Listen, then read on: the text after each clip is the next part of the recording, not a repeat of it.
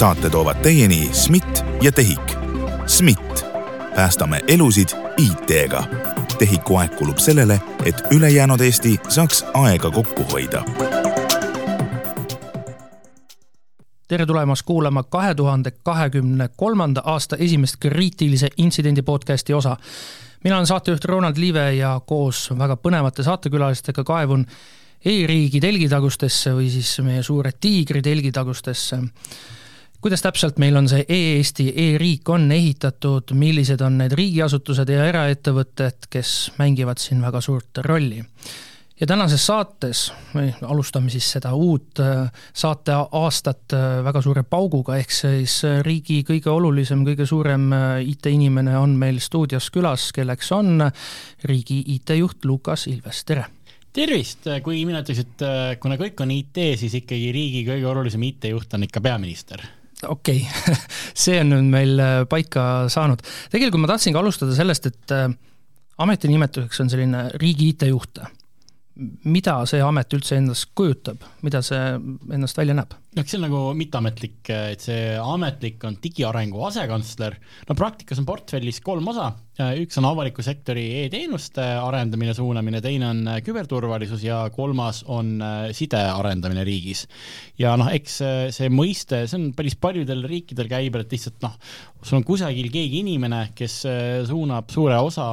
digiriigiga suunatud regulatsioonidest, rahast, aga ka sellest nii-öelda mõtteviisist ja, ja ideoloogiast ja eks, eks see see ametikoht ongi.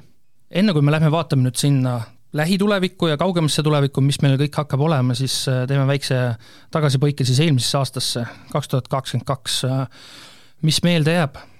või mis meelde jäi? Ei no kindlasti, äh, kui on üks sõna, siis on Ukraina, et eks mina alustasin äh, jaanuaris äh, oma suurte mõtetega ja agendaga, siis jõudsin kolmandal nädalal koroonas haigestuda, kahekümne neljandal tulin, veebruaril tulin välja ja oligi Venemaa invasioonipäev. Ähm, ehk siis kindlasti Ukraina tähendas meile väga palju uusi tegevusi, väga palju kriisikoosolekuid, kui ma ise vaatan tagasi, siis ähm, noh, ükski suur ja oluline asi otseselt tegemata jäänud, aga, aga mõned nendest mõtetest, et mida ma ise äh, ametis, see on viieaastane nii-öelda periood, mil inimene seal ametis on, mida ma tahaks ära teha. mõni neist on kindlasti lükkunud kahekümne kolmandasse aastasse ähm, just tänu sellele adrenaliinile ja, ja kriisile. kas see Ukraina teema siis alguses, kahekümne neljandal veebruaril oli ta selline igapäevane teema, mis tuli ka nagu mingisel, mingil põhjusel äh, siis lauale või oli see selline, et äh, aeg-ajalt pidi selle peale ka mõtlema? ei noh, ta, ma arvan, et ta oli ju mitte ainult digiriigi vaatest, aga, aga kogu riigi jaoks äh, eriti kevadel täiesti igapäevane teema. ja eks seal oli meil nagu kõikidel teistel alati kaks elementi. üks on see, et kas me oleme ise valmis juhul, kui äh, analoogne rünnak või siis mingi osa sellest laiemast äh, Venemaa läänevastasest kampaaniast meid tabab ja teine ots on olnud see, kuidas Ukrainat äh, igakülgselt võimalikult palju toetada ja, ja nendega kaasas olla. kuidas me Ukrainat toetanud oleme? noh, meie, meie, ma arvan, digiriigilane koostöö Ukrainaga sai põhjaliku alguse peale Euromaidani Äh, ja tegelikult sellest ajast saati on eestlased äh, avalikust sektorist, erasektorist äh, võib-olla kõige rohkem e-valitsemise akadeemias olnud Ukrainas väga aktiivsed ja, ja läks siis kõrgemasse käiku peale kahe tuhande üheksateistkümnenda aasta Zelenski valituks osutamise, kus ütleme, väga suur osa sellest digiriigi transformatsioonist, mida Ukraina viimase kolme aasta jooksul teinud on, sai sellise mõttelise alguse ja, ja ka, ja ka rahalise toe läbi e-valitsemise akadeemia Äh, nende kontoril Kiievis on äh, üle kahekümne inimese. Ähm, ja, ja noh, ka, ka sealt nii-öelda hargnevad välja paljud äh, tegevused, mis on toimunud selle aasta jooksul no üks pool on puhtjulgeolekualane, CERT-ide koostöö, küberasutuste koostöö, me oleme olnud Ukraina küberkaitsjatele tsiviilpoole peal Äh, üks olulisemaid partnereid, et me oleme küll väiksed, aga me oleme kohapeal, me jagame ise palju informatsiooni, nemad jagavad meiega, et lihtsalt kui me vaatame äh, koostöösuhetele, siis äh, Eesti küberturbajatel Riias ja, ja ka Kaitseväe poole peal minu teada on, on väga lähedased sidemed oma Ukraina kolleegidega ja nad teevad seda, mida üldiselt liitlased teevad teineteise toetamiseks. eeskätt on see infovahetus ja, ja ka võimete ehitamine. Ähm, teine pool on kindlasti nii-öelda ähm, ka see, et me oleme aidanud Ukraina digiriigi ähm,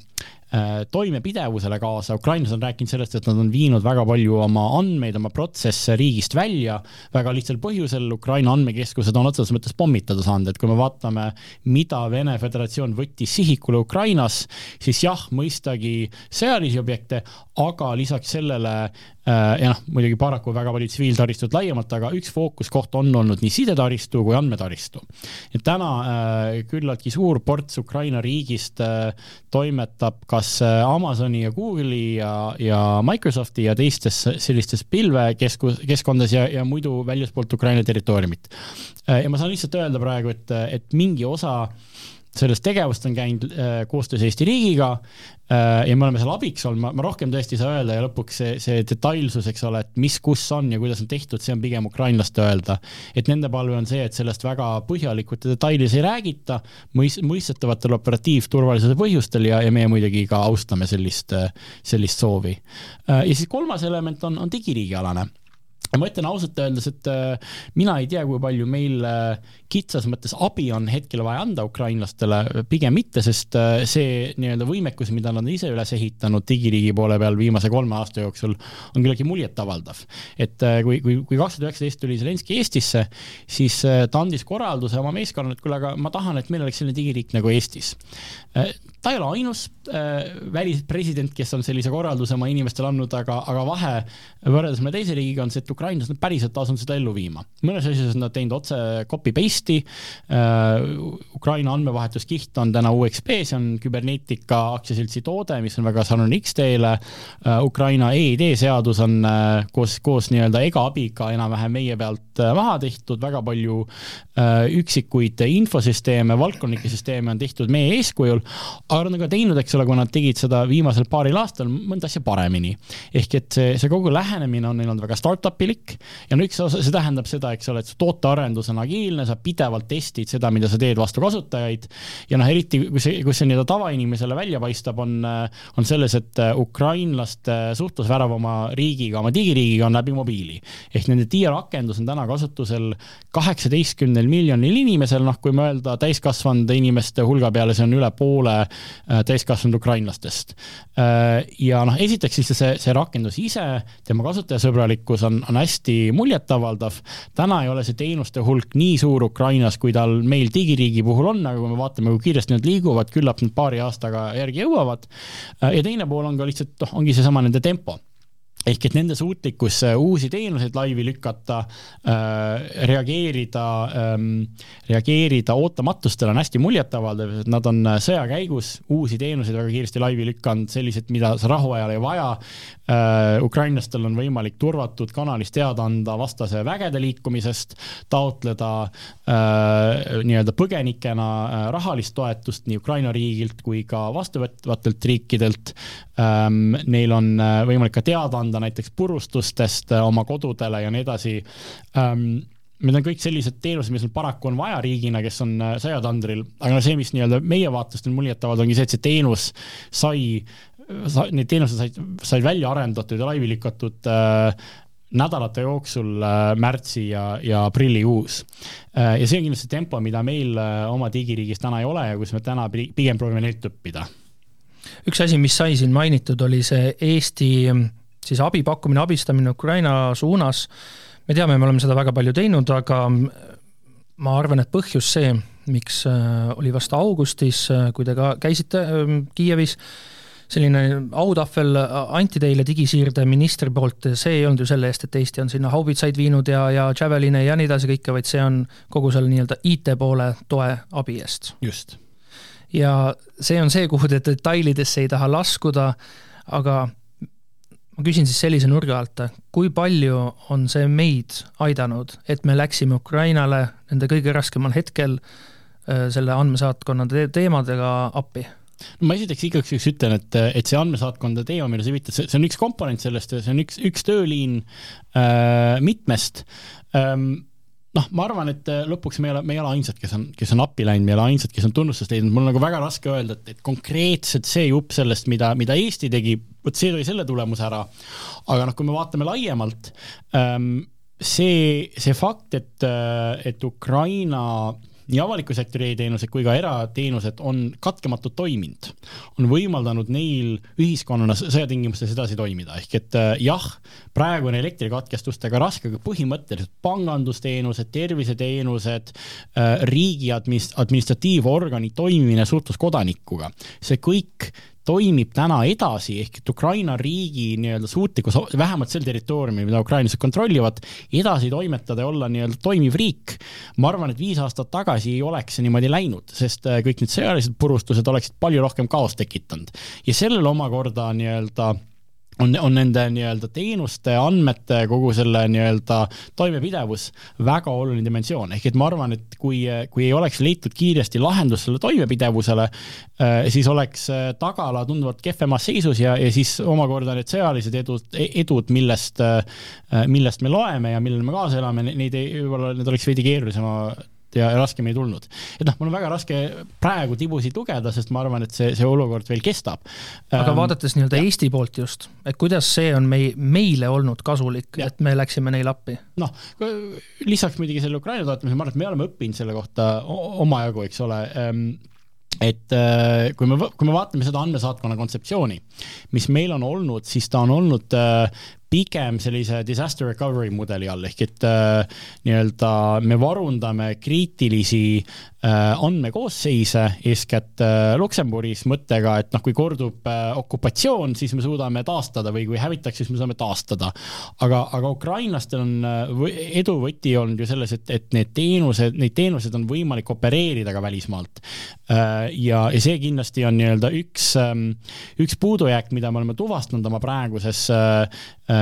enda nii-öelda te teenuste toimepidevuse kontseptsioonis, mille juurde peab kuuluma ka ekstreemne stsenaarium nagu sõda, äh, kus me kindlasti nii-öelda täna arendame seda kontseptsiooni edasi selle pealt, mida me ukrainlaste pealt oleme õppinud. Ehk siis järgmine andmesaatkond äh, saab olema teistsugusem, just selles mõttes me saame ka laivist seal süsteeme töös hoida noh, vaata lõpuks andme, andmesaatkond on, on äh, nii-öelda üks konkreetne osa sellest nii-öelda laiemast äh, riigi e-teenuste toimepidevusest. Äh, kindlasti nii-öelda üks osa sellest on see, et, et andmesaatkonda liigub rohkem nii-öelda tervikinfosüsteeme teine pool on see, et, et ilmselt see toimepidevus ei saa ainult tuginema Eesti riigile kuuluvale andmekeskusele või andmekeskuse osale välismaal, vaid seal on ka väga suurel, mängib väga suurt rolli ka avalik pilv.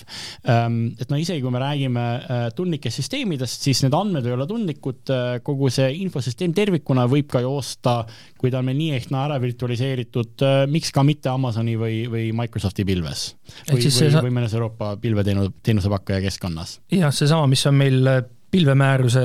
hetkel küll siis jah, mustandis nii-öelda välja toodud, et saaks Amazoni pilves asju hoida. ehk siis see andmesaatkond, kui praegu meil on see üks füüsiline Luksemburgis, siis meil oleks neid tegelikult äh, mitmeid sadu, mitmeid tuhandeid üle terve maailma ja tegelikult me füüsiliselt ei pruugi teada, kus, kus need on no me, me võiksime füüsiliselt selles mõttes teada, kus nad on, et ikkagi tavaliselt kuulub äh, pilveteenuse kasutamise juurde, et sa saad ju määrata, kus see täpselt jookseb. Ähm, aga jah, põhimõtteliselt tõesti, äh, ma arvan, et on, saab olema alati teatud andmeid, mida me ei saa viia välismaale kommerts äh, pakkuja juurde. Ähm, kas selle tõttu, et nad on tundlikud või noh, on ka teisi andmekoosseise, kus ehm, noh, nad ei ole tingimata tundlikud andmed, aga meil peab olema ka mingisugune äh, varukoopia kusagil, mis õiguslikus mõttes on tõesti rohkem meie kontrolli all, kui me räägime sellistest baasväärtusega andmetest, mis oli ka kunagi andmesaatkonna juurmõte, nagu kinnisturegister, rahvastikuregister, äh, no need on need kohad, kus meie ajalooline kogemus on riigi taastamine peale okupatsiooni ja me tahame kindlasti seda kindlust, et me iga hinna eest saame seda taastamist teha. Ähm, ehk et äh, ma arvan, et me ei saa ilmselt eriti rahuaja tingimustes kogu digiriigi panna avalikku pilve, aga väga suure osa siiski saame ja, ja ma arvan, et lõpuks see eesmärk ei ole ühe võluvitsaga tekitada see toimepidevus, aga läbi erinevate lahenduste ja kihtide tagada, et juhul, kui mõni väga, väga ebameeldiv stsenaarium realiseeruks, et vähemalt nii-öelda äh, virtuaalne osa meie teenustest äh, suudaks edasi toimida, mis on omakorda nende võimendaja meile sõja ajal. Ehk siis mina sain praegusest jutust aru seda, et Luksemburgis meil on küll andmesaatkond äh, teatud... mis ka laieneb ja, ja nii-öelda kasvab suuremaks see on nüüd siis see uudisväärtus, mis meil siin saates just kõlas, sest minu mälu ütles mulle seda, et äh, leping Luksemburgiga kas meil just sai läbi või kohe-kohe saab läbi, aga ma saan aru, et uus leping no, on siis juba jaa, me oleme selle uuendamas. -hmm. ja on tulemas juurde ka teisi lepinguid siis, äh, mis ongi, mille puhul me teame, kus kohas need andmed kõik on ja kus saab ka nagu kriitilisemaid asju hoida, mis ei puuduta siis seda pilves nii-öelda varundamist või kuidas? no ei, ma ütlen, et, et ehk kas meil on tulemas on, Luksemburgi jah. stiilist äh, teist andmesaatkonda? ei, see, see Luksemburgi stiilis nüüd üks-ühele teist andmesaatkonda praegu ei ole tulemas ähm, me kindlasti suurendame äh, andmete ja infosüsteemide hulka, mis on muuhulgas ka olemasolevas andmesaatkonnas äh, ning äh, kui me räägime sellest laiemast toimepidevust ja selle jalajäljest, siis see on see koht, kus me näeme, et äh, ka avalik pilv võiks äh, mängida suuremat rolli ehk et lõpuks see nii-öelda lahendus sellele, kuidas me tagame toimepidevust, on kombinatsioon sellest, mis on andmesaatkonnas, äh, kui ka nii-öelda sellest, mis on avalikus pilves. ja ma ei välista, et neid, neid täiendavaid saite võiks tulla, aga hetkel meil nii-öelda aktiivselt Soolas teist äh, sellist saiti ei ole. üks teema, mis meil vestluses käis läbi, oli Dia äpp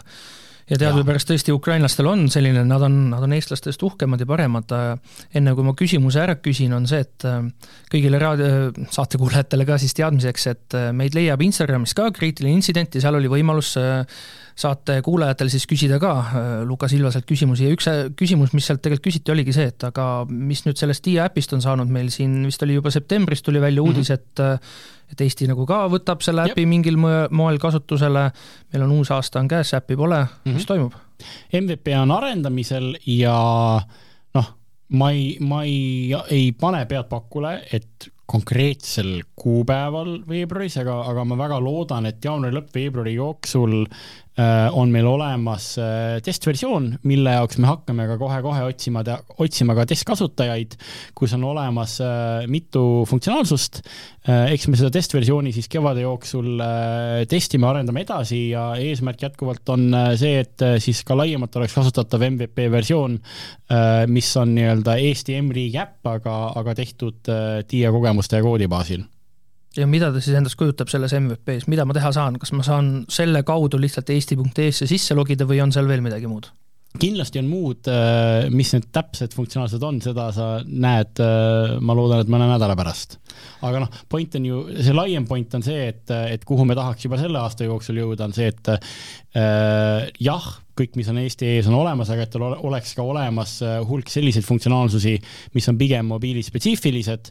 mis kasutavad ära seda nii-öelda, mida sa mobiilseadmetega teha saad. Äh, asi, mis tuleb ka MVP-sse kohe, kuigi ta praegu ei, ei oma õiguslikku ähm, äh, tähendust veel, on äh, dematerialiseeritud versioon ID-kaardist äh,. ehk me tahaks jõuda sinna, et, et kodanik äh, ei pea äh, ei pea nii-öelda kaasas kandma plastikut selleks, et oma isikut tõendada äh,, nii, nii korrakaitsjal, kellel on lihtsam, sest neil on lõpuks, eks ole, ligipääs rahvastikuregistrile, igasugustele teiste isikutele, samamoodi ka juhiloaga ähm,. samuti äh, kolivad, nad ei pruugi olla kõik MVP-s, aga kolivad bürokraati funktsioonid äh, sinnasamasse äppi ja siis on meil, eks ole, ka arutelu erinevate asutustega, kas ja kuidas äh, olemasolevad või, või muud plaanitud äpi funktsioonid kokku koondada ühte kohta. see arutelu, mis meil on nii-öelda ametkondadega, on see, et, et väga paljud erinevad asutused Eestis mõtlevad vajadusele äh, viia oma teenused ka nii-öelda native äppi, on olemas asju, mida saab puhtalt nii-öelda mobiili äh, noh, nii-öelda sellise reactive veebiga teha ei saa. Ja, ja pigem on nagu mõistlik, kui me kogu selle kompetentsi ja ressursi hea kasutajakogemuse UX, UI arendamiseks hoiame koos ja siis nii-öelda Äh, ehitame üles lahenduse, kus, kus teenuse omanik keskendub äh, teenusele. ja üks väljakutse, mida ukrainlased ei ole ka veel nii-öelda lõpuni lahendanud, võib-olla natuke tänu sellele, et neil on hetkel vähem legacy't, ongi kuidas sa, kuidas sa viid kokku kõiki neid teenuseid, seda nii-öelda laia teenuste portfelli, mis meil Eestis on sellisel viisil, et see teenuseomaniku vastutus oma, oma andmete, oma teenuse sisu osas jääks väga selgelt tema kätte, aga, aga kasutaja näeks ühtsat, ühtset kasutajaliidest ja, ja nii-öelda saaks liikuda väga mugavalt ühe, äh, ühe, ühelt teenuselt teise juurde, noh, sama väljakutse, mis meil on olnud ka, ka brauseripõhise digiriigiga, aga ma arvan, et see on just see on just see väärtus selle äpi juures, et, et lõpuks äh, kasutaja ei pea mõtlema tingimata sellele komplekssusele, mis, äh, mis on taustal nii-öelda administratiivaparaadi keerukus ja ülesehitus. ja neid testijad, keda oodatakse seda Eesti riigi mobiiliäppi kasutama, mida nemad tegema peavad? Saadavad eesti at eesti.ee kirja, et mina tahan testida või kuidas see välja näeb? no eks see teavituse kampaania veel tuleb, aga, aga ma üldiselt tahaks nii-öelda võtta laiemalt vabatahtlikke, nii et ma loodan, Roland, et sina oled nende testijate hulgas. ja eks me seda outreach'i teeme, ma arvan, et pigem veebruaris, aga, aga selle kohta tuleb rohkem teavet. peale veebruarit tuleb märts ja märtsis tulevad valimised. kas see äpp on see, mille kaudu ma saan siis valimistele oma hääle ka anda? sel aastal kindlasti mitte ehk siis äh, nii-öelda märts kaks tuhat kakskümmend kolm meil veel M-valimisi ei ole. Ehm, meil, äh, meil on tegelikult äh, valmis toode põhimõtteliselt olemas. Kybernetica on välja arendatud M-hääletamise lahenduse RIA-le üle andnud. see on laias laastus testitud, kuigi seda tuleb edasi testida ja mina elan praegu teadmises ja lootuses, et äh, Euroopa Parlamendi valimistel maikuus kaks tuhat kakskümmend neli on seda võimalik kasutada ähm, selles mõttes ta ei, kindlasti ei saa olema sama äpp, et kui, et see nii-öelda koodibaas on eraldiseisev äh, ja, ja ta nii-öelda on eraldi funktsioon Ehm, lõpuks, eks ole, me võime neid kokku panna niimoodi, et, et kui kasutaja nii-öelda midagi alla laeb, siis see, mida me täna nimetame M-valimise rakenduseks, on osa sellest nii-öelda eh, ühest äpist, mida inimene installib oma telefonile, ma arvan, et see oleks kasutajatele väga mugav, et nad ei pea eraldi nii-öelda mõtlema eh, rakendusele, teist poolt, teiselt poolt ka nagu väga kasulik riikliku äpi eh, kasutajaskonna kasvatamisel, et kui sul on olemas paar nii-öelda killer äppi, mida inimesed tahavad kasutada, mis ajendab neid alla laadima mõistlik turunduslähene, nii-öelda turundusstrateegia ähm,. ehk et ma arvan, et me kindlasti mängiks mõttega, et neid selles mõttes kokku panna äh,. aga noh, see on pigem, eks ole, seda me teame kindlalt peale selle, kui me oleme hakanud ka M-riigi äppi kasutajatega testima, näe, näeme, mis kasutusstsenaariumid on ähm,. et noh, ma arvan, et me oleme pragmaatilised selle osas, aga see laiem küsimus on, eks ole, et äh, sa hakkasid küsima M-valimiste äpi kohta, et kuidas sellega edasi läheb Äh, ma tean, et noh, sel teemal on igasuguseid arutelusid olnud, et kas see on nüüd äh, suur muutus või väike muudatus, minu vaade sellele on väga lihtne, meil on e-valimised ehk internetipõhised valimised, täna toetame kolm äh, operatsioonisüsteemi ehk Mac OS-i, Windowsit ja Linuxit ja on mõistlik, kui kasutajad on kolinud ka Androidi ja iOS-i, et me toetaks lihtsalt kahte täiendavat operatsioonisüsteemi, et olemuslikult ma ei näe vahet M-valimiste ja, ja praeguste e-valimiste vahel, nad on lihtsalt täiendavad opsüsteemid, nüüd kuna lihtsalt tehnilises mõttes see, kuidas meil nii-öelda tarkvara jõuab kasutajani ja, ja mingid nii-öelda ärimudeli erinevused äh, äh,, noh, sul on nii-öelda äh, mobiiliopsüsteemide versus desktopi ja äh,, süsteemide nii-öelda teatud vahed, siis äh, iOS-i, Androidi põhised äh, e-valimised toovad endaga kaasa mõningaid nüansse, eks ole, mis on ilmselt kõige keerulisem pähkel, mida lahendada, on äh, tarkvara äh, ahela terviklus. Ehk äh, nii-öelda iOS-i poodi, Androidi poodi läheb äh, veel osaliselt kompileerimata tarkvara ja siis nii-öelda see kompileeritakse lõplikult Apple'i poolt valmis, siis on küsimus, eks ole, kuidas äh, kuidas tagada seda äh, nii-öelda, kuidas tagada vastavust seaduslikule nõudele, et, et kogu see valimiste protsess oleks tervikuna ähm, meie poolt kontrollitav ja juhitud, eks ole, et, et teoreetiliselt ma ei tea, Apple ei ole mingisugust lisatarkvara sinna poetanud ähm, meil on seal nii-öelda põhimõtteliselt lahendused olemas, aga see kõik on veel arutelu Apple'iga, kas see kõik läheb kokku nende toimemudeliga.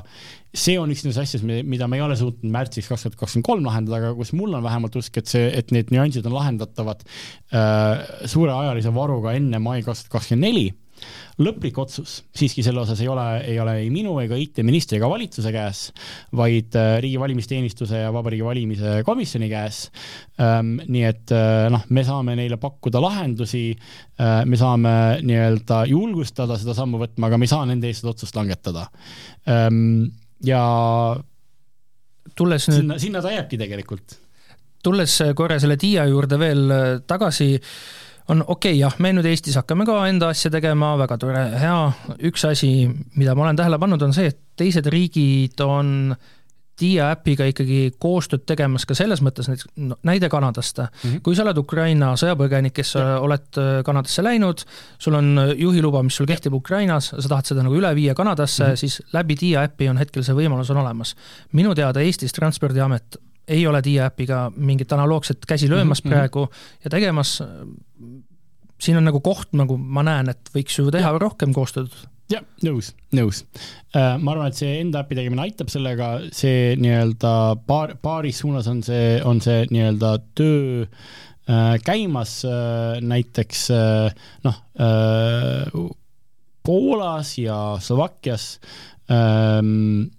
tekitas kiiresti olukord, kus ukrainlased said ka üle riigipiiri äh, oma TIA sees oleva elektroonilise passiga äh,. ma tean, et meil PPA ja siseministeerium suhtleb praegu Ukraina ametivendadega sel teemal äh, ja neid, neid analoogseid võimalikke kasutusjuhte on veel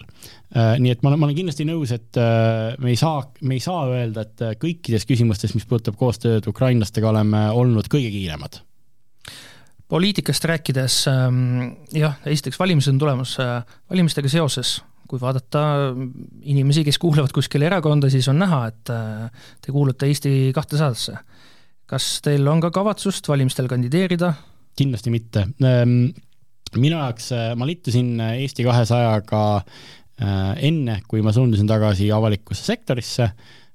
ja sisuliselt praeguse töö vastuvõtmine minu jaoks tähendas otsust, et ma vähemalt selle ametiperioodi jooksul ei tegele poliitikaga äh, nii-öelda selles äh, nii-öelda erakondlikus mõttes ähm,. ja see tähendabki seda, et äh, minu, minu roll Eesti kahesajas piirdub äh, liikmemaksu maksmisega äh,, üldkogul hääletamisega Äh, ja sinna ta jääbki ja mul on, mul on hea meel, et me oleme jõudnud oma riigi küpsuses sinnamaani, et äh, meil on hulk äh, riigiametnikke, kes kuuluvad ka erakonda, aga kes tõmbavad sellesama piiri, et erakondlik kuuluvus isikuna ei mõjuta nende professionaalsust ega nende, nende tööd ametnikuna. Ähm, nii et kindlasti ma ei kandideeri valimistel,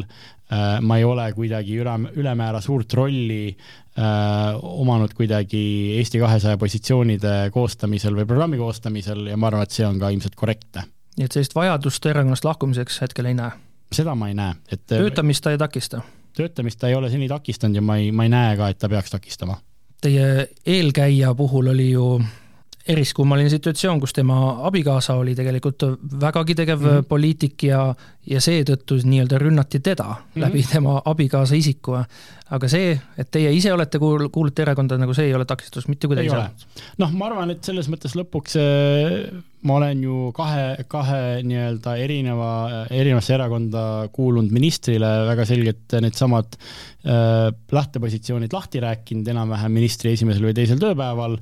ähm,. ma arvan, et äh, me ei peagi eksplitsiitselt kokku leppima, mis need piirid on, aga on mingid piirid, mida ma ei tohiks ületada see ei ole seni probleemi tekitanud äh, ja noh, kui see kunagi tekiks, siis eks ma räägiks sellest kõigest otse. ja no teine pool, ähm, minu eelkäija, eks ole, kui teda rünnati, siis tema vastus oli hästi lihtne, äh, et tal ei, tal ei oleks isegi, kui ta tahaks, aega, et väga erakondlike küsimustega tegeleda ja seda ma saan ise ka kinnitada, et äh, olles nii, nii nagu minu eelkäijagi kahe, noh, tema nüüd on kolmega, aga mitme väikse lapse isa, siis äh, ööpäeva mahub, äh, mahub see osa tööst, mis on tõesti korrapärane tööosa, mahub nii-öelda magamine ja mahub nii-öelda vahetu perekondlik tegevus ja väga palju muu ei mahu.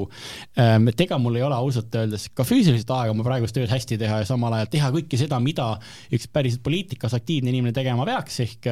käima igasugustel öistel erakonnaalastel kohtumistel, juhtkonna kohtumistel, alakomisjonide kohtumistel, kohtumistel ja teha kõike, teha kõike seda meediatööd, valijatega suhtlusprogrammide ettevalmistust, et äh, isegi kui ma tahaks, siis ööpäev ei ole piisavalt pikk, aga noh, ma arvan, et mul on piisavalt äh, põnev töö, et äh, eks see nii-öelda erakondlik tegevus, see noh, ma arvan, et kodanikuna ja, ja kodanikuna, kel, kel on alati, kel on ja on ilmselt edasi arvamusi selle kohta, kuidas riiki võiks juhtida, jääb see lihtsalt tulevikku kas ma kuulsin just ülestunnistust, et äh, kahe lapse kõrvalt on tööd veidi raske teha? Äh, ei, ülestunnistus oli see, et midagi peale tööd ja lapsi äh, hobi korras on raske teha noh, samuti olen Kaitseliidu küberkaitseüksuse liige, aga, aga äärmiselt passiivne ja loid liige, välja arvatud võib-olla seda, kuidas ma nagu tööalaselt saan nii-öelda positsioonipõhiselt panustada ja, ja nii edasi põimin nüüd kokku kaks teemat, äh, taaskord tulles tagasi selle juurde, milliseid küsimusi saatekuulajad ise ja. saatsid, oli see, et, ähm, et Eestis on olemas nii-öelda väga palju andmeid on, ütleme siis suurandmeid lihtsustatult öelduna, ja meil oli just, oli kaasus, kus ähm, siis teise pensionisamba maksed äh, otsustati peatada ja nüüd siis äh, toona ametis olnud minister Martin Helme ütles, et ma loen praegu ERR-ist pealkirja, et me eeldasime, et inimesed ei taasta oma teise samba makseid aga samas meil on neid andmeid on nagu väga palju, me käime mujal maailmas rääkimas, et kui uhke see e-Eesti on, mida me kõike meie andmetega teeme, mida me saame teha ja, ja me reaalselt ka teeme kogu aeg, käsi südamel, kõik ütleme jaa, nii on. reaalsus, me ju näeme sellest situatsioonist, ega me neid mm. andmeid ei kasuta ju. Ma arvan, et äh, on väga palju juhte, juhtumeid, kus me kasutame ja noh, me võime siin hakata kõiki neid positiivseid näiteid tooma, alates äh, rahvaloendusest kuni noh, näiteks kui riik hindab ettevõtete elujõulisust, me kasutame suures hulgas andmeid, ähm, on hulk nii-öelda sotsiaalvaldkonna, maksunduse valdkonna tegevusi, kus me neid kasutame, alates terviseriskide hindamisest kuni ümbrikupalk, Äh, palkade maksmise tuvastamiseni. Ähm, ehk neid positiivseid näiteid, kus, kus era, kus avalik sektor kasutab, on, lisaks on neid äh, kohti, kus äh, erasektor kasutab riigi avaandmeid ähm, ja sageli just suurandmeid ähm, ja siis on, on muidugi jätkuvalt kohti, kus võiks, aga ei kasutata. mille taga see seisab? Äh, eks, eks see on nii-öelda meil igapäevatöö, et, et nii-öelda suurendada kasutamist, et äh, lõpuks on see paljuski oskuste küsimus, aga nii-öelda oskused mitmel tasandil, ühelt poolt nii-öelda spetsialistide olemasolu, et see suurandmete kasutamine, äh, see eeldab analüütikute olemasolu, see nii-öelda eeldab ka omakorda suutlikkust neile õigeid uurimisküsimusi püstitada. Ähm, mõnikord see tähendab ka kannatlikkust, sest nii-öelda esialgu see kõhutunne, selle kõhutundele või sellele esmasele plaanile on, on, on lihtsam ja kiirem nii-öelda jõuda, kui, kui, kui läbi andmeanalüüsi. Ja lõpuks on see nii-öelda ka, ka juhtide küsimus ehk et eh, noh, kui, kui ma, kui ma teen sellise üldise nagu võrdluse, et kuidas meie kasutame suurandmeid, kuidas teised riigid võivad kasutada, ma ütleks, et meil on see, see kogu see ahel alates sellest, kas meil need andmed on, kas nad on korrastatud, kas meil on, kas meil on positiivseid eh, juhtumeid, kus kasutatakse, kas me saame ärilist väärtust. pilt on tegelikult positiivne, küll aga, eks ole, me peame mõelma, et on väga palju kohti, kus võidaks kasutada, kus täna ei kasutata kas see tähendab seda, et meil võiks olla rohkem äh, ministreid, olgu nad äh, mitte pelgalt ainult IT-ministrid, vaid ka rahandusministrid, äh, sotsiaalministrid, kes iganes, kes oskaksid nii-öelda riigile öelda, et vot need on need asjad, kus ma tean, et me saame oma uhket Tiigrit, oma e-Eestit, oma suurandmeid kõike ära kasutada ja teha nüüd midagi väga huvitavat ja kasulikku ma arvan, et äh, see on ahel, eks ole, äh, kindlasti ministrid osa sellest ahelast, aga samuti on osakonnajuhid, asekantslerid, kantslerid, kes, kui nad saavad ülesande või kui neile püstitatakse ka küsimus, eks ole, siis nende nii-öelda see, kuidas nad reageerivad, on nii-öelda ikkagi seda andmeanalüüsi aluseks võtta ja neil on nagu endal kõhutunde arusaam, et millist informatsiooni saab nende andmete pealt, milliste otsustega nad aitavad ja, ja kus on ka see piir, kus, kus nad ei aita. Ähm, ja, ja muidugi lõpuks ka poliitikud, jaa kuidas üldse poliitikutega seis on, kui tihti te nendega kokku saate, kas te olete nii-öelda ise erakondadega võtnud ühendust, öelnud, et kuulge, et tulge nüüd siia, teeme väikse kohvi ja räägime Eestist või, või kutsuvad nad ise teid külla või kuidas see välja näeb? no rohkem, eks ole, me suhtleme äh, noh, formaalselt poliitikutega ehk äh, valitsuse liikmetega, Riigikoguga, see on ikkagi igapäevatöö osa. Ähm, ütleks ausalt, et, et ma isegi oleks äh, tahtnud natuke rohkem mõelda sel sügisel äh, selle peale nii-öelda, mis võiksid olla suured äh, nii-öelda võimalused poliitilisel tasandil, kuidas digivõimalusi paremini ära kasutada järgmisel perioodil. lihtsalt see on üks nendest asjadest, mis kogu selle kriisi tempoga on natuke kõrvale jäänud. aga samas ma arvan, et ähm, noh, kui küsimus on, et millele peaksid poliitikud mõtlema, kui nad mõtlevad IT-le, siis nad ei peaks tingimata selle IT-le endale mõtlema. see nii-öelda see väljakutse, mis, mis meil täna paljuski oma e-teenuste juhtimisega on see, kuidas me tehnoloogiat ja andmeid ja, ja kogu seda, mida IT võimaldab, seome ära selle ärilise tulemusega. ehk et ma paljuski, mina tahaks rohkem, et poliitikud mõtleksid selle teenustulemusele, mida nad tahavad, et selle raames oleks ka see küsimus, et noh, kuidas IT mind aitab selle kõigi juures. see on nagu üks vaade ja teine vaade võib-olla on see, et noh, millest see digi koosneb, see digi ei ole ainult tehnoloogia äh, ja, ja andmed, ähm, vaid see on ka sageli mõtteviis ma siin varastan ühte raamimist, äh, mida, äh, mida üks endine Briti riigi IT-juht on kasutanud vastates küsimusele what we mean by digital ehk mida me üldse mõtleme sõna all digi. ja tema vastus on mitte ainult, eks ole, tehnoloogia andmed, aga ka nii-öelda see, et me võtame üle selle nii-öelda äri ja, ja nii-öelda asjade tegemise, toimetamise viisi, mis on interneti ajastule omane. see tähendab läbipaistvust, see tähendab teatud toimetamise tempot, see tähendab pidevat agiilset agiilset arendust, mitte ainult tehnoloogiliste asjade agiilset arendust, aga samamoodi poliitikate sellist agiilsemat arendust, tagasisidega arvestamine, kasutajatelt pidev testimine, ähm, ehk et võib-olla poliitikutelt ei eeldagi seda, et nad on süvatehnoloogia eksperdid, aga, aga noh, kui meil on olemas nii-öelda laiemalt internetiajastu inimesed, kes on üles kasvanud teatud mõtteviisiga, me võime seda nimetada digitaalseks startup ilikuks, siis sedasama tahaks ka nii-öelda näha riigihalduses. Riigihalduses on oma takistusi sellele, need ei tule kõik teps mitte tingimata poliitikutelt, aga, aga lõpuks, eks ole, peame poliitikud, ametkond koos selle muutuse tooma. kui palju on olnud seda situatsiooni, et MKM on läinud küsima endale raha juurde, aga poliitikud ütlevad, no kuulge, te alles tulite, küsisite, et ja siis te ütlete, aga meil oli just, oli selline situatsioon ja selle, seetõttu on meil vaja, et me saaksime oma sellest taakvarast lahti, aga nad ikka ei saa hästi aru. noh, küsimus, küsimus ei ole ju MKM-i küsimises, vaid, vaid üleriigiliselt, ma ei ole kordagi kohtunud poliitikutelt nagu seda hoiakut, et te ju küsisite või see raha oleks ebavajalik. pigem, eks ole, see laiem probleem, mis meil on, on see, et Äh, vajadusi, objektiivselt põhjendatud äh, vajadusi reaalsete probleemide lahendamiseks laiemalt riigil on, need vajadused on tunduvalt rohkem kui võimalusi. no selle kõige kontekstis ähm, ma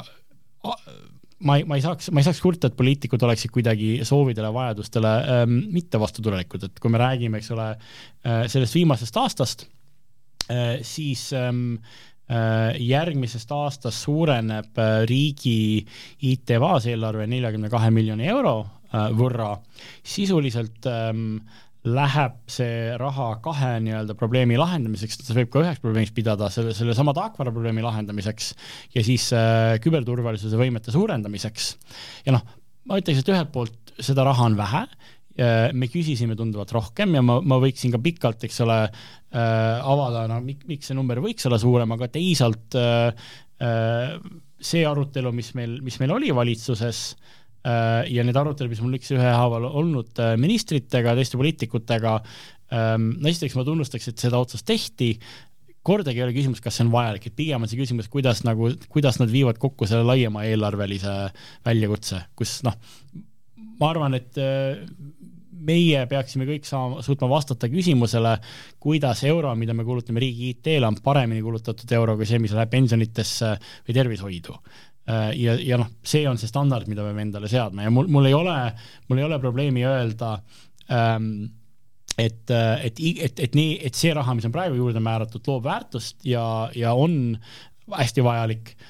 noh, kui ma võtaksin tervikuna kõik eelarvetaotlused, kas ma ütlen käsi ütlema, et iga viimane sent nendest on olulisem kui, kui pensionite suurendamine, ei ütle, ei ütle, et noh, me peame muidugi kaardistama vajaduse ja panema selle nii-öelda äh, optimaalse pildi kokku sellest, kuidas me tahaks asju hästi teha, aga lõpuks poliitilise protsessi ja eelarvestamise protsessi noh, valu ja ülesanne ongi siis nii-öelda hästi palju vajadusi kokku tuua ja mingeid kompromisse teha üks selline kompromiss on see, et ähm, me ei pea endale looma iga erineva riikliku teenuse jaoks siis seda e-teenust sinna juurde. no ähm, ma arvan, et täna meil äh, noh, meil on hästi palju riiklikke e-teenuseid, mille puhul oleks siin natuke narr rääkida e-teenust, et lõpuks need hüved, mida inimesed saavad, äh, teed, puhas loodus, tervishoid, äh, noh, need ei olegi e-teenused. Äh, üldiselt, kui me räägime e-teenustest, me räägime nii-öelda suhtlusest kodaniku ja riigi vahel, no täna need on, tegelikult on kõik, seda suhtlust peaaegu enam, et ei ole, mis ei oleks digiteeritud, et täna see küsimus ei ole, kas ta peaks olema digitaalne või mitte, aga pigem, eks ole, kas ta peaks olema brauseripõhine või, või, või, või mis see kanal olema peaks. me üldiselt lähtume soovist olla seal, kus on kasutaja ja, ja see on, et riigi ülesanne on tulla oma kodanikele, oma noh, IT mõistes kasutajatele vastu, aga ma arvan, et see, millele sa viitad, on see, et, et mõnikord oleme ähm, ol-, noh, see küsimus sellest, kuidas me defineerime ühte või teist teenust, et äh, ametlikult on meil praegu kaks tuhat äh, avaliku sektori teenust, nad ei pea kõik ühehaaval olema eraldiseisvad e-teenused. Ähm,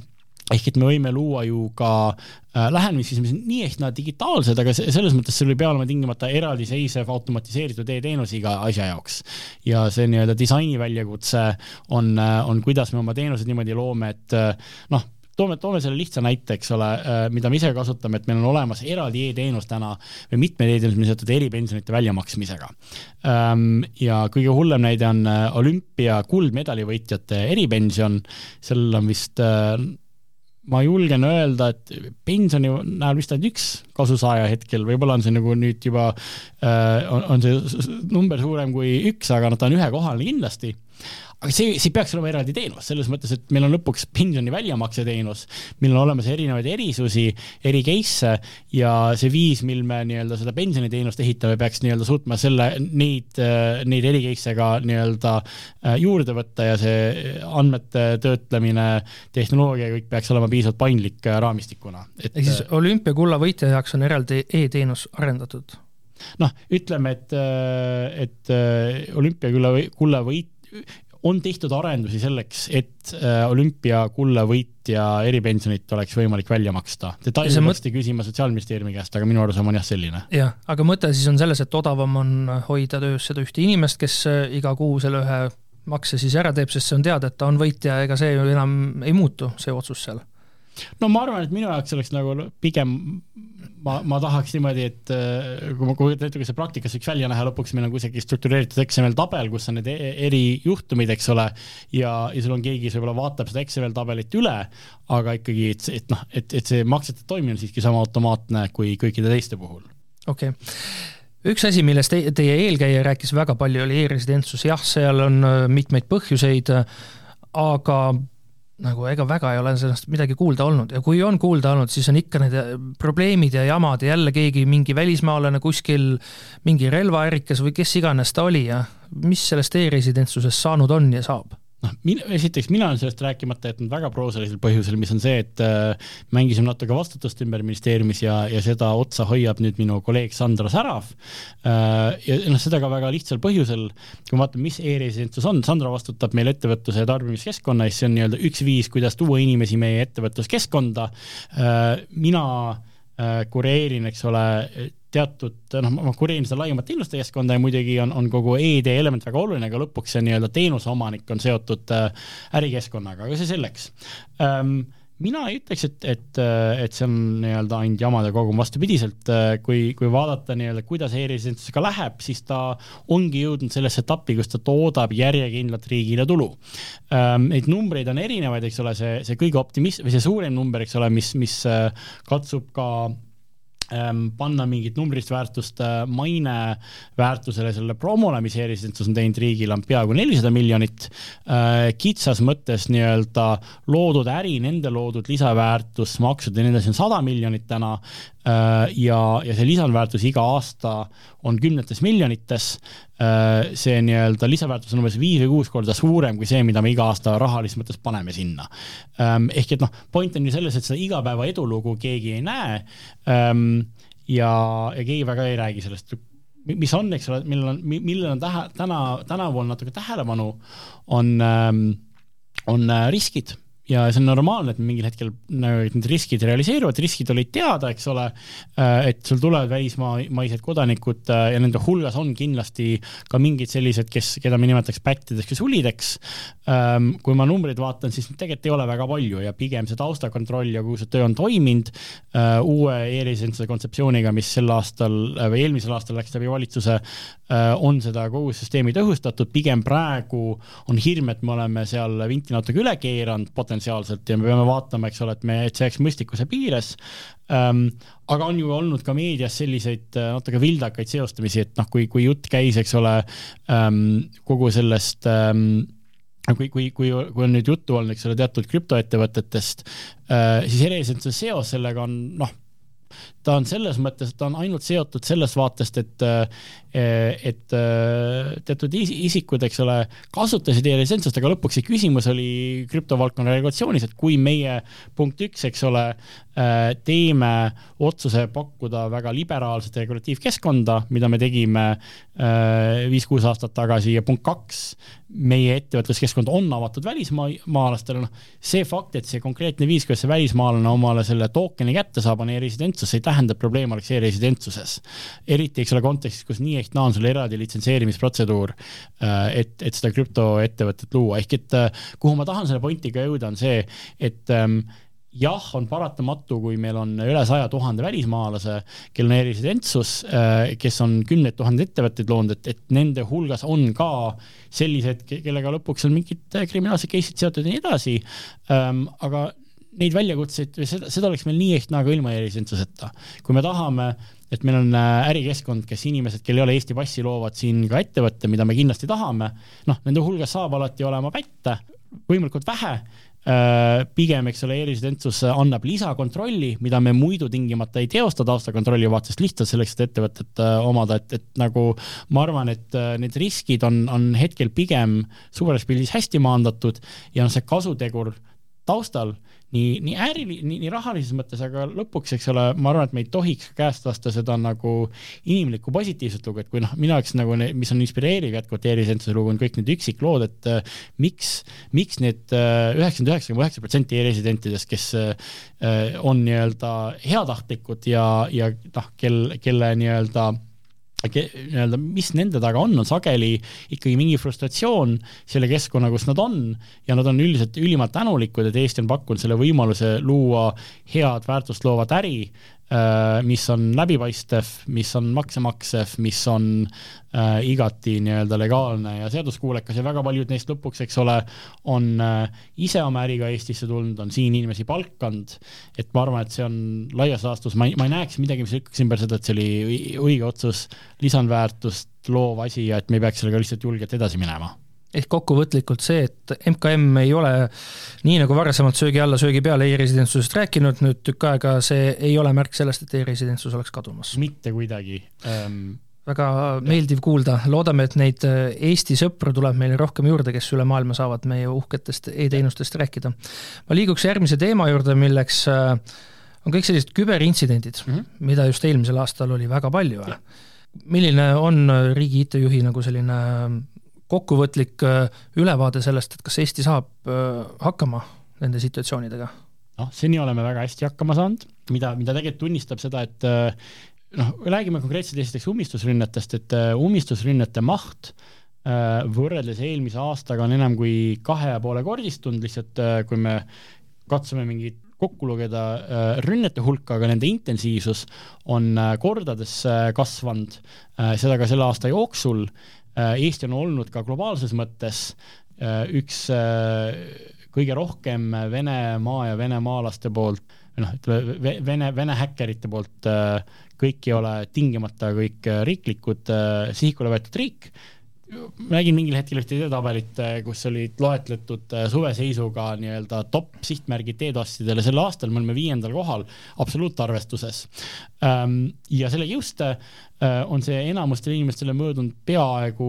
noh, ilma noh, peaaegu tähelepanuta, see ei ole kuidagi päriselu mõjutanud, noh, siin ja seal on mõni veebsait maha läinud tunniks äh,. Äh, Eesti Energia teenuskeskkond oli ühel laupäeval kaks tundi mittesaadaval aga see,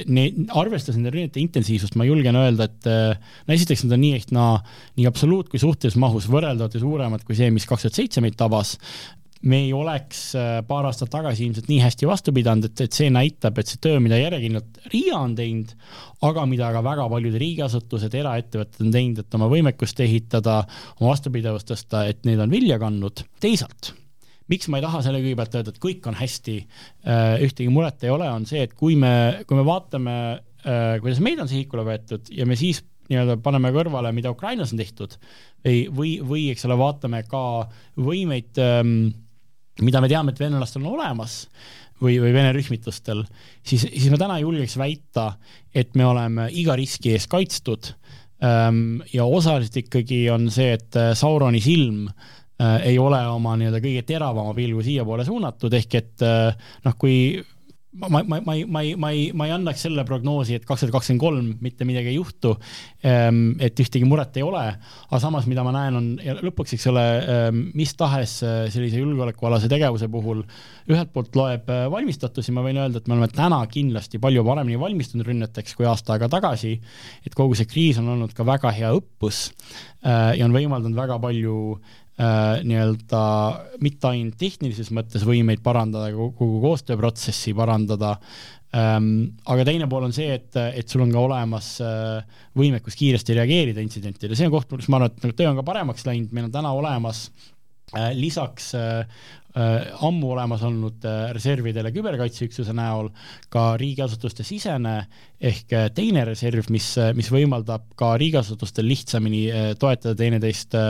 rünnete intsidentide puhul. me oleme läbi mänginud väga, noh, meil on päris mitu õppust nüüd läbi tehtud selle aasta jooksul koos elutähtsate teenuste osutajatega. me oleme näinud, et, et ETO-d on olnud väga Äh, abivalmid ja valmis laua taha tulema ähm, juhul, kui, kui on riskid, me oleme koos ähm, nii-öelda kas või äh, võimalike elektrikatkestuste kontekstis läbi mänginud äh, meie sõltuvuse ka elektrivarustusest, sest lõpuks IT ei toimi, kui, kui voolu ei ole äh,. ka see on paremaks läinud, kuigi nagu tõestab äh, see, mis juhtus Saaremaal aasta lõpus, siis ideaalne see olukord veel ei ole. Veet- äh,, tuli lõpuks päris palju generaatorit ringi vedada äh,, et seal on kindlasti veel õppimisruumi. üks äh, selline intsident, mis leidis juba tegelikult kaks aastat või nüüdseks ka jah, see oli detsembrikuus mm, ehk siis ütleme kaks aastat laias laastus aset oli see, kus majandus- ja kommunikatsioonidokumendi registrist äh, panid pahalased piistu mm -hmm. umbes täpselt kolmesaja viiekümne gigabaidi jagu andmeid ja selle kohta Riigi Infosüsteemi Amet, mis tegelikult nii-öelda MKM-i alla kuulub justkui, et algatas äh, järelevalvemenetluse, sellest on nüüd tõesti kaks aastat möödas, ühtegi uudist ei ole tulnud, et selle menetlusega oleks midagi toimunud, mis seis on mm? -hmm. ja no eks see menetlus käib ja taustal toimub äh toimub nii-öelda äh, MKM-i kantsleri IT-juhi juhitud äh, tegevusi äh, selleks, et ka arvestada kõiki nende õppetundidega ja tagada, et sellised asjad ei, ei saaks korduda, et selle nii-öelda menetluse eesmärk lõpuks on ju äh, ja siin on tõesti rollide lahus, eks ole, et, et RIA viib selle menetluse läbi, neil on äh, nii-öelda regulatiivne iseseisvus, selle eesmärk on tagada seda, et olukord läheb päriselt ka paremaks äh, ja ma ütlen, et kui, ütleks, et kui, kui kõik need tööd on ka tehtud, siis küllap see saab ka formaalselt endale šleifi peale nii käsi südamel saate öelda, et kui RIA nüüd tõesti menetluse käigus leiab midagi MKM-i puhul väga kriitilist ja ütleb, et äh, no nüüd, et äh, see inimene peab nüüd tegema seda või teist ja kolmandat või, või te peate muutma oma süsteemi selliselt, see seda ei muuda, et kuidas RIA MKM-il käest raha saab tulevikus? kindlasti ei muuda. et kõik need rahataotlused, mis on, siit äh, nii-öelda vaadatakse täpselt samamoodi asjadele otsa, kuidas praegu ma isegi, kui ma, ma noh, selles mõttes ma nii palju saan öelda, et, et siin on ka natuke rollide lahusus, et lõpuks äh, nii-öelda valitsemisala eest tervikuna vastutab MKM-i kantsler. Ähm,, ehk et ma olen äh, nii-öelda isiklikult ähm, kaasas, aga, aga ei, ei ole nii-öelda see, kes need otsused langetaks, aga, aga noh, selles mõttes MK, sorry, Riia, Riia teeb oma tööd, teeb seda hästi ja meie, meie soov on ju see, et Riia saaks oma tööd hästi teha, pigem et nende järelevalvevõimekus äh, laiemas äh, pildis tõuseks, mis aitab ju lõpuks tagada, et me kõik äh, arvestaks infoturbenõuetega, juurutaks hästi uue Eesti infoturbestandardi, et cetera, et äh, ei panen, panen käe südamele, ütlen, et, et sellist, sellist asja ei toimu, äh, et, et meie kuidagi äh, Äh, ma, ma isegi kujutaks, kujutaks ette, kuidas me nagu, mis see loogika oleks korra juba käis läbi see, et see M-valimiste teema kaks tuhat kakskümmend kolm ei tule, aga suure tõenäosusega loodetavasti kaks tuhat kakskümmend neli siis mm. -hmm. aga mis on need asjad, äh, mida teie jääte äh, siis riigi IT-juhina ootama, et mis kõik sel aastal võiksid ära realiseeruda mm -hmm.? Dia äpp käis meil läbi, küll noh, teise nimega vist küll meile tuleb siis. no ma arvan, et ähm, on paar asja, mis on sellised äh, suuremad, süsteemsemad, struktuursemad kapoti all protsesside muutmised, mille mille tulemusi võib-olla tavainimene kohe ei näe, aga, aga mis täidavad suure osa äh, minu päevast või päevadest äh,. üks on see, et, et me vaatame sellele otsa, kuidas riigiüleselt äh, juhitakse IT-d osana ärilistest protsessidest ähm,. meil algab või nii-öelda, me hakkame nüüd sel aastal kulutama uue euroraha perioodi äh, ähm, rahasid avaliku sektori, äh, millest on ette nähtud kokku veidi alla kahesaja miljoni euro äh, kuni aastani kaks tuhat kakskümmend seitse kaheksa avaliku sektori IT parandamiseks. Ja, ja selle nii-öelda rahaperioodi selline fookus saab olema see, et, et me ei rahastaks lihtsalt süsteeme ja arendusi, vaid et me tõstaks tervikuna valitsemisalade teenuste kvaliteeti, suutlikkus häid e-teenuseid teha ehk et me pöörame ka tähelepanu juhtimiskvaliteedile, protsessidele, noh, see kõik kõlab väga abstraktselt, aga me võime seda ümber pöörata ja öelda, et kui me, kui me vaatame nii-öelda, kui me, kui me võtame lahti neid, neid negatiivseid näiteid, mis on olnud ähm,, olgu need äh, suurarendused, mis on läbi kukkunud, sest nad on olnud sellised suured monoliidid ja võib-olla nõudmised on ebaselged, või, või teenused, mis ei ole kasutajakesksed, siis me, siis me otsime süsteemseid lahendusi äh,, et sellised probleemid ei korduks. ehk et võtmesõnad nagu Äh, agiilne arendamine, äh, keskendumine äh, UX-ile, ähm, multifunktsionaalsed tiimid, ähm, nii-öelda juhid, kes, kes teavad, millised on IT-võimalused ja siis nii-öelda lõpuks asutused, kes suudavad seda kõike realiseerida. Ehm, selle kohta ma arvan, kusagil äh, järgmise kuu aja jooksul on meil ka üks avalik dokument, kuidas hakkab kuigi välja nägema, see on väga palju igavat ja kantseliitlikku, aga see eesmärk on lõpuks see, et see viis, kuidas avalik sektor teeb äh, IT-d, sarnaneks sellele, kuidas täna äh, tubli, noh, ütleme, erasektori parimad seda teevad äh,. ja ma räägin startup'is, aga samamoodi ka, ka suurtes ettevõtetes, kes on nii-öelda viimase kümne aasta jooksul ähm, õppinud väga palju, kuidas IT-d kasutada, kuidas äh, siis laiemas mõttes see, mida IT võimaldab, muudab ka seesmisi protsesse. kui sa vaatad, kuidas täna äh, pank või telko äh, mõtleb oma kliendist, mõõdab kliendi rahulolu, arendab teenuseid selleks, et kliendile head teenust pakkuda, siis on riigil väga palju sellest õppida. Ja noh, pangad ja telkod ei ole nii-öelda tingimata startup'id. Et see on üks suur muudatus, see on üks selline suur selline süsteemne muudatus, teine on turbe poole peal, et, et me seal samamoodi nii-öelda tooksime turbet ja, ja riskipõhist mõtlemist läbiva mõttena avaliku sektori äh, igapäevaellu äh, ja samuti ka erasektorisse. ja see riskipõhine mõtlemine, seal on nagu paar nii-öelda praktilist külge, uue äsja juurut- või äsja vastu võetud infoturbestandardi rakendamine avalikus sektoris ka, ka teatud elutähtsate teenuste osutajate puhul ähm, aga, aga riskipõhine mõtlemine tähendab ka seda, et sa mõnda riski aktsepteerid ja et sulle teatud riskides oleks julgust, et kui me vaatame asju nagu näiteks pilv või uute tehnoloogiate katsetamine, äh, siis äh, väljakutse avalike sektorite jaoks, ma ei räägi ainult Eestist, aga, aga üle maailma, on mõnikord aktsepteerida teatud äh, riske, mida vana lahenduse puhul ei ole, sest no lõpuks see suurem risk on see, et sa jääd, jääd kinni vanasse tehnoloogiasse, protsessidesse ja ei, ei arene need on nagu struktuursed asjad, kui me räägime sellistest noh, nähtavatest asjadest, ma arvan, et ähm, seesama äh, äpp kindlasti aasta jooksul areneb väga palju ähm,. paar asja, mis on juba nagu alguse saanud, aga mida, mida me kuuleme tunduvalt rohkem järgmise aasta jooksul ähm,. sündmusteenused äh,, esimesed sündmusteenused läksid aastalõpu seisuga laivi äh,, abiellumine äh, ja äh, tuleb, tuleb ka lõpuks lahutamine juurde aga neid sündmusteenuseid tuleb veel äh,. Me räägime ka naabritega, eriti Soome, aga Lätiga, kuidas meil võiksid äh, piiriülised sündmusteenused toimida ähm,. samuti hakkab järjest äh, juurde tulema bürokraatiteenuseid, ehk siis teenuskeskkonnad, mis on, äh, mis on nutiseadmes äh, kratipõhised, aga ka näiteks, mis võimaldavad helistada ja esialgset suhtlust teha kratiga, mis võimaldab lõpuks sel inimesel, kes telefoni otsas on, keskenduda raske, raskematele juhtudele ähm, ja, ja paremini seda tööjõudu kasutada. samuti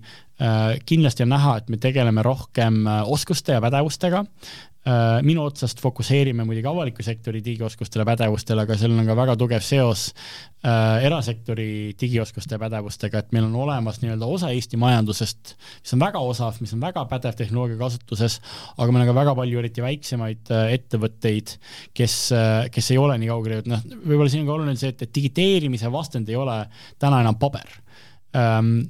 peaaegu kõik on meil nii-öelda bittide ja baitide nohitud, küsimus on nüüd selles, et, et kuidas me neid bitte ja baite käsitleme, et, et kui me räägime digiteerimisest näiteks ettevõtluse keskkonnas, on see, et me liiguks lihtsalt äh, kirja pandud tekstist või Excelist automatiseeritud protsessidesse ähm,, et me, et me nii-öelda automatiseeriks ära selliseid keerulisi manuaalseid äh, tehteid või noh, kui me räägime näiteks e-tervisest, siis eks ole, tänane väärtus ei ole enam asja nii-öelda liigutamine paberi pealt äh, arvutisse, aga, aga mida me, mida me selle andmekooslusega teeme, kuidas me seal väärtust loome äh,. et kindlasti äh, seda me hakkame palju rohkem nägema järgmisel aastal nagu saatekuulajad kuulsid, siis jutku jätkuks meil veel kauemaks ja kauemaks, me saaks veel teha ühe tunni ja teise ja kolmanda tunni. aga ma arvan, et meil kõigile on nüüd väike puhkus ära kulunud. kriitilise intsidendi saates oli külas äh, digiarengu asekantsler ehk riigi IT-juht Lukas Ilves, kes andis meile väga detailse ülevaate oma tööst e, Eesti käekäigust, kas ja kuidas Eesti on Ukrainat aidanud ja kuidas see meid mõjutab ja mida meid siis lähitulevikus siin ees ootab kõik kõiki nii seda käesolevat kui ka kõiki teisi saate osasid saate kuulata Apple podcastist, Spotify'st ja kõikidest mujalt äppidest, kust podcast'e leiate ja kindlasti leidke meid üles ka Instagramist kriitiline intsident, seal aeg-ajalt pakume välja sellise eksklusiivse võimaluse, nii nagu tänase saate puhul, kus te saate saatekülaliselt ise ka küsimusi küsida. mina olin saatejuht Ronald Liive ja kohtun teiega juba uuel nädalal.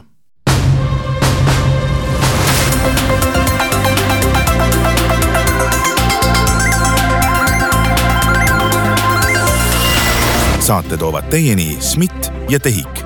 SMIT, päästame elusid IT-ga. tehiku aeg kulub sellele, et ülejäänud Eesti saaks aega kokku hoida